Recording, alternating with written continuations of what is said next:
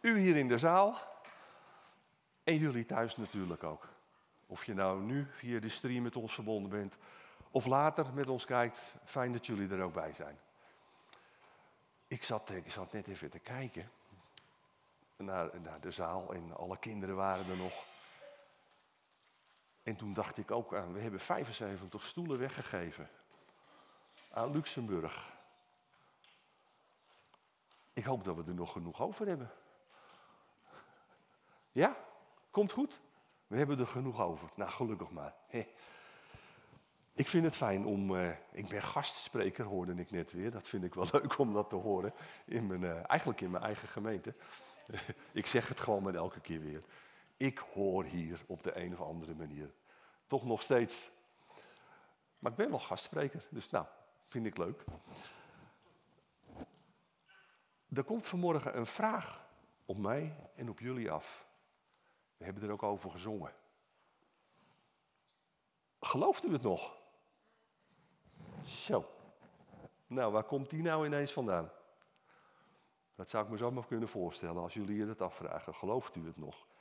Wat een rare vraag om in een, een, een kerk een huis van geloof te stellen. Gelooft u het nog? En ik zou me zelfs kunnen voorstellen dat het een beetje een irritante vraag is. Dat het irriteert. Gelooft u het nog? Maar wat jullie er ook van vinden, en wat ik er ook van vind van die vraag, hij wordt ons gesteld. En eh, niet door mij. Hij wordt door Jezus zelf gesteld. Gelooft u het nog? En zo voor de hand liggend als het antwoord van ja, Heer, ik geloof misschien voor ons is, was het op een gegeven moment niet voor hem. Voor hem lag het blijkbaar helemaal niet voor de hand. Dat ja, Heer, natuurlijk, ik geloof. Ik galm een beetje. Kan er wat aan gedaan worden? Nee? Ja? Waar stelt Jezus die vraag? We gaan het gewoon lezen. In Lucas 18, vers 1 tot 8. En daar schrijft Lucas het volgende. Hij sprak ook een gelijkenis tot hen met het oog daarop dat men altijd moet bidden en niet de moed verliezen. Hij zei, er was in een zekere stad een rechter die God niet vreesde en geen mens ontzag. En er was een weduwe in dezelfde stad. En zij kwam voortdurend naar hem toe. En ze zei, doe recht, doe mij recht tegenover mijn tegenpartij. En hij wilde een tijd lang niet. Daarna echter zei hij bij zichzelf, hoewel ik God niet vrees en geen mens ontzie, toch zal ik, omdat deze weduwe mij lastig valt, haar recht doen, opdat ze uiteindelijk niet komt en mij in het gezicht slaat. En de Heere zei, hoor wat die onrechtvaardige rechter zegt. Zal God dan geen recht doen aan zijn uitverkorenen die dag en nacht tot hem roepen? Ook wanneer hij lang wacht om hen te hulp te komen? Ik zeg hij dat hij hun met spoed recht zal doen. Maar zal de zoon des mensen, als hij komt, wanneer hij komt, wel het geloof op de aarde vinden? Daar is die vraag. Oh. Zit ik niet goed? Oh, daar is hij. Ja. Zal de zoon des mensen, als hij komt, wel het geloof op aarde vinden? Het is Jezus die die vraag stelt. En misschien denk je van, ach, de komst van de zoon des mensen. Dat is de komst van Jezus. Dat, dat is nog zo ver weg. Kan nog jaren duren. Maar het kan ook morgen zijn. En het kan ook vanmiddag zijn. Die vraag van Jezus is vandaag actueel, nu, op dit moment. Zal Jezus vandaag het geloof vinden bij ons, nu, hier? Gelooft u het nog? En hij sprak ook een gelijkenis tot hen met het oog daarop dat men altijd moet bidden en niet de moed moet verliezen. En toen zei ik, dankjewel Lucas. Dankjewel dat je ons meteen de clue van deze gelijkenis vertelt. Altijd bidden en niet de moed verliezen. Maar wat is dat eigenlijk? Altijd bidden. Is dat op elk moment? Elk moment van de dag, de hele dag door? Voortdurend, onafgebroken bidden? Is dat altijd bidden? En ik moest denken aan Herman Vinkers, een van mijn favoriete cabaretiers. En die zei, op een gegeven moment zei hij, ja hoor eens even, in onvervalst plat Twents, ik kan dat niet. Ja hoor eens even, ik moet toch ook af en toe een hapje eten? Altijd bidden. En dan ook nog eens niet de moed verliezen. Dat risico lopen we dus blijkbaar ook. En toen vroeg ik me af, wat kan er nou zo belangrijk zijn voor Jezus, dat we daar altijd voor moeten bidden? En ook nog eens niet de moed moeten verliezen. Wat wil je nou zo graag? Waar kan je nou zo naar verlangen? Waar smacht je nou zo naar? Dat je dat volhoudt. Dat altijd bidden. Wat is dat voor bidden dat Jezus op het oog heeft? Dat we altijd onze dankbaarheid aan God vertellen. Het gaat mij makkelijker af om altijd mijn zorgen aan Hem bekend te maken. En misschien herkennen jullie dat ook wel. En helemaal de laatste tijd. De zorgelijke ontwikkelingen op het wereldtoneel, die, ja, die, stapelen zich in mijn beleving alleen maar op. Van de oorlog in Oekraïne tot de vluchtelingenproblematiek. Van de strijd tussen Hamas en Israël tot hoe er wordt afgerekend met de Navalny in Rusland. Van de komende presidentsverkiezingen in Amerika tot de klimaatverandering. Van de toename van autocratische regeringen wereldwijd tot, nou, noem het maar op. En om dan ook nog maar eens niet te spreken over onze persoonlijke zorgen, over onze gezondheid, ons werk, over de kerk. Zorgen te over. Of moeten we juist in geen ding bezorgd zijn? En altijd bidden om Gods steun, zijn troost, zijn nabijheid. Juist als we de moed dreigen te verliezen. Prima gebedsonderwerpen, dacht ik toen. Maar is dat nou het bidden dat Jezus op het oog heeft? Wat is er nou zo belangrijk voor ons? Waar moeten wij nou zo naar smachten, zo naar verlangen, dat wij het volhouden om daar dag en nacht om te roepen en niet te moeten verliezen? Nou, om dat te beantwoorden, vertelt Jezus die gelijkenis. En hij schetst daar twee plaatjes. En in het eerste plaatje gaat het om een onrechtvaardige rechter. We kennen het waarschijnlijk wel. Zo corrupt als de. en een weduwe. Hij moet haar eigenlijk zijn hulp verlenen, want zij heeft hulp nodig. Ze moet haar recht hebben. We weten niet waarvoor. Lucas zegt het niet. En die rechter die staat voor alles waar een rechter niet voor zou moeten staan. Geen ontzag voor God. Trekt zich van mensen helemaal niks aan. En terwijl dat in die tijd wel zou moeten. Want Gods wet was de basis voor het recht in die tijd. Hij moest juist opkomen voor de zwakken, voor de hulpelozen, voor de weduwe en de wezen. Want een weduwe, nou die was dat in die tijd, kwetsbaar en afhankelijk. We weten het, geen man meer die achter haar staat. Geen penning te makken, laat staan een steekpenning. En daarom vindt ze keer op keer geen gehoor. En dan, bij de zoveelste keer pas, zegt hij, ik zal haar recht doen.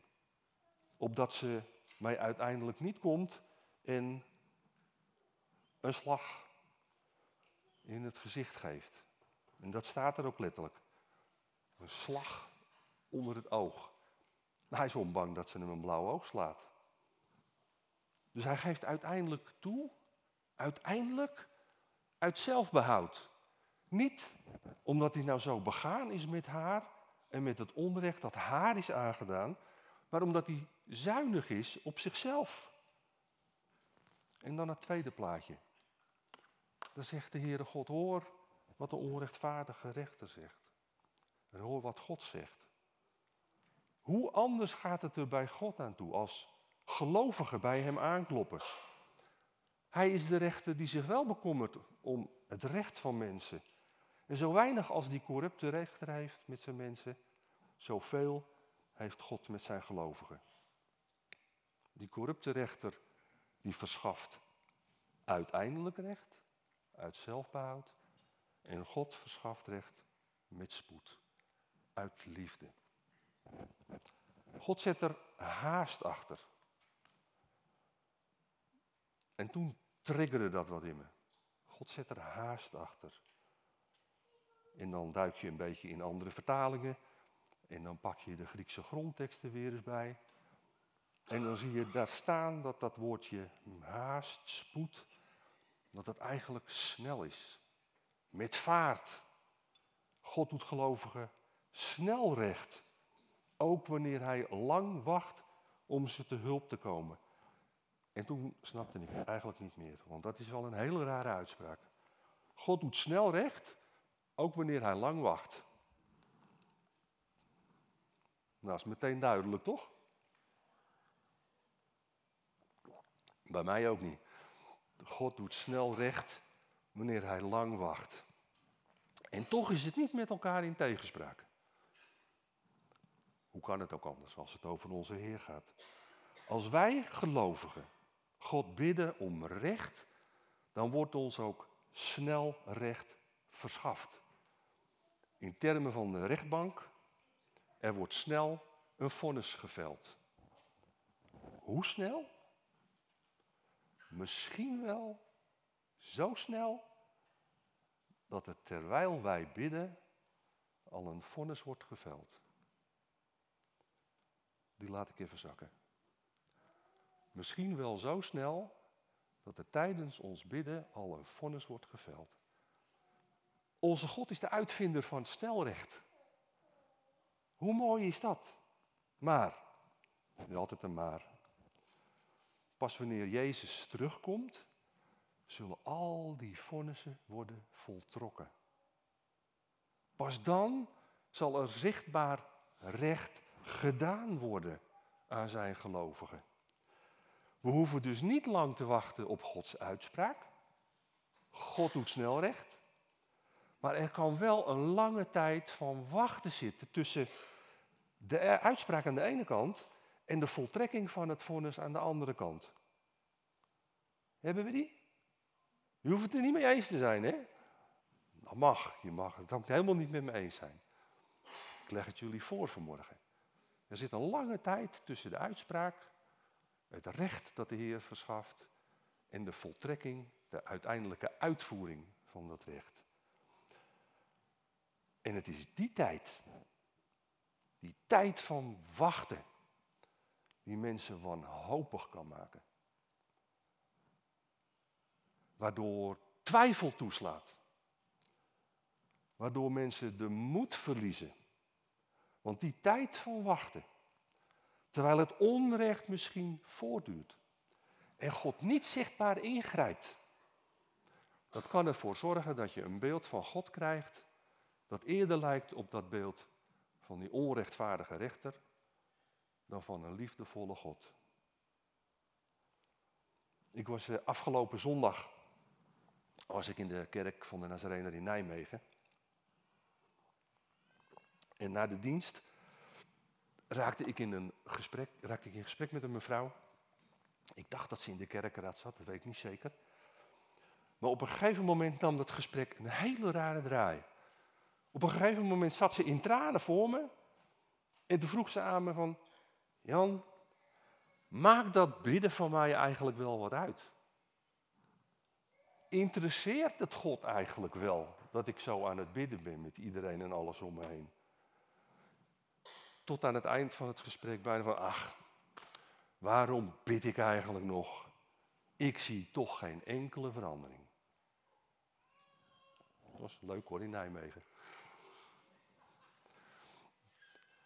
Het beeld van God als onrechtvaardige rechter, dat was geleidelijk onder haar huid aan het kruipen. Nou, om dat te voorkomen, vertelt Jezus nou deze gelijkenis. Onze God is niet als die onrechtvaardige rechter. Onze God laat ons niet wachten als we hem om recht bidden. Als wij hem om recht bidden, dan wordt ons ook snel recht verschaft door onze God. Ja, gelooft u het nog? Vlak voordat Jezus deze gelijkenis vertelde, was hem een spottende vraag gesteld. Je teruglezen in hoofdstuk 17.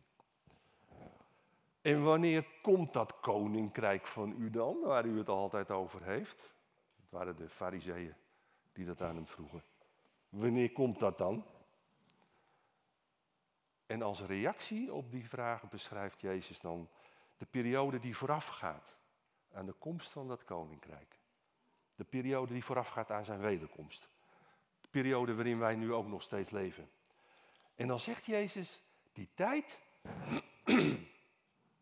die zal vergelijkbaar zijn met de tijd waarin Noach en Lot leefden.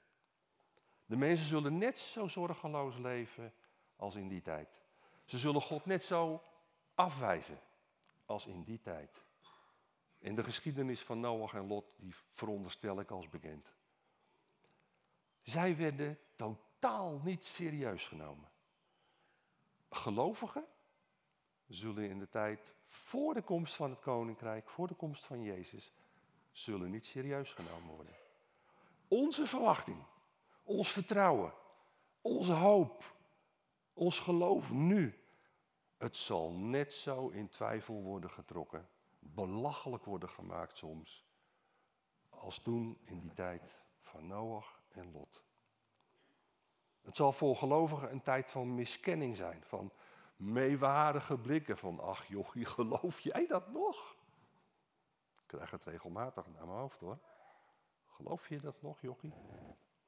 Van uitgelachen worden, van uitsluiting, afwijzing en soms zelfs van vervolging. Die periode voordat het koninkrijk van God in volle glorie zal worden opgericht, voordat Jezus komt, die staat voor volgelingen van Jezus meer en meer en meer in het teken van onrecht. Onrecht.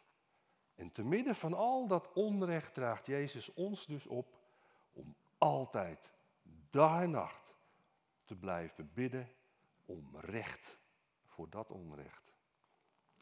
En niet de moed te verliezen wanneer zichtbare, tastbare resultaten nog uitblijven. Want de uiteindelijke verhoring van al die gebeden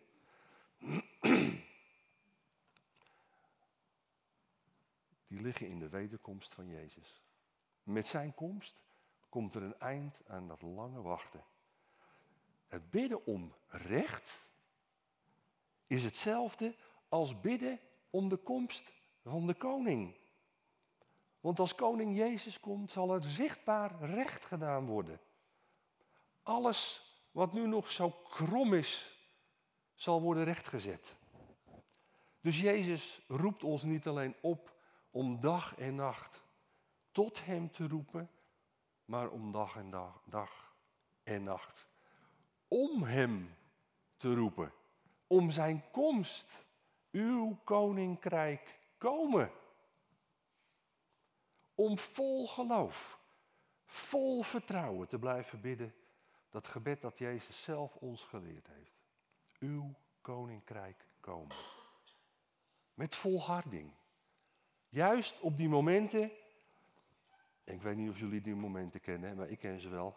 Juist op die momenten dat ons geloof ons eerder in de weg lijkt te zitten, dan dat we er nou plezier aan beleven. Doe ons recht, Heer. Uw koninkrijk komen. Wanneer we verbijsterd zijn door tegenwerking, afwijzing, uitsluiting, hatelijkheden. Doe ons recht, Heer. Uw koninkrijk komen. Zonder de moed te verliezen als onrecht uit het heden of uit het verleden nog steeds diepe sporen trekt in ons leven nu. Doe recht, Heer. Uw koninkrijk komen. En weet u, naar dat geloof dat zich omzet in dat gebed, Daar is Jezus naar op zoek. Zal hij het geloof op aarde vinden? 3 maart 2024. Dat is vandaag. Gelooft u het nog? Dit is geen vreemde, sombere of misschien negatieve vraag. Dat is het niet. Het is een vraag die ons wil aansporen om te volharden. Om niet te verliezen.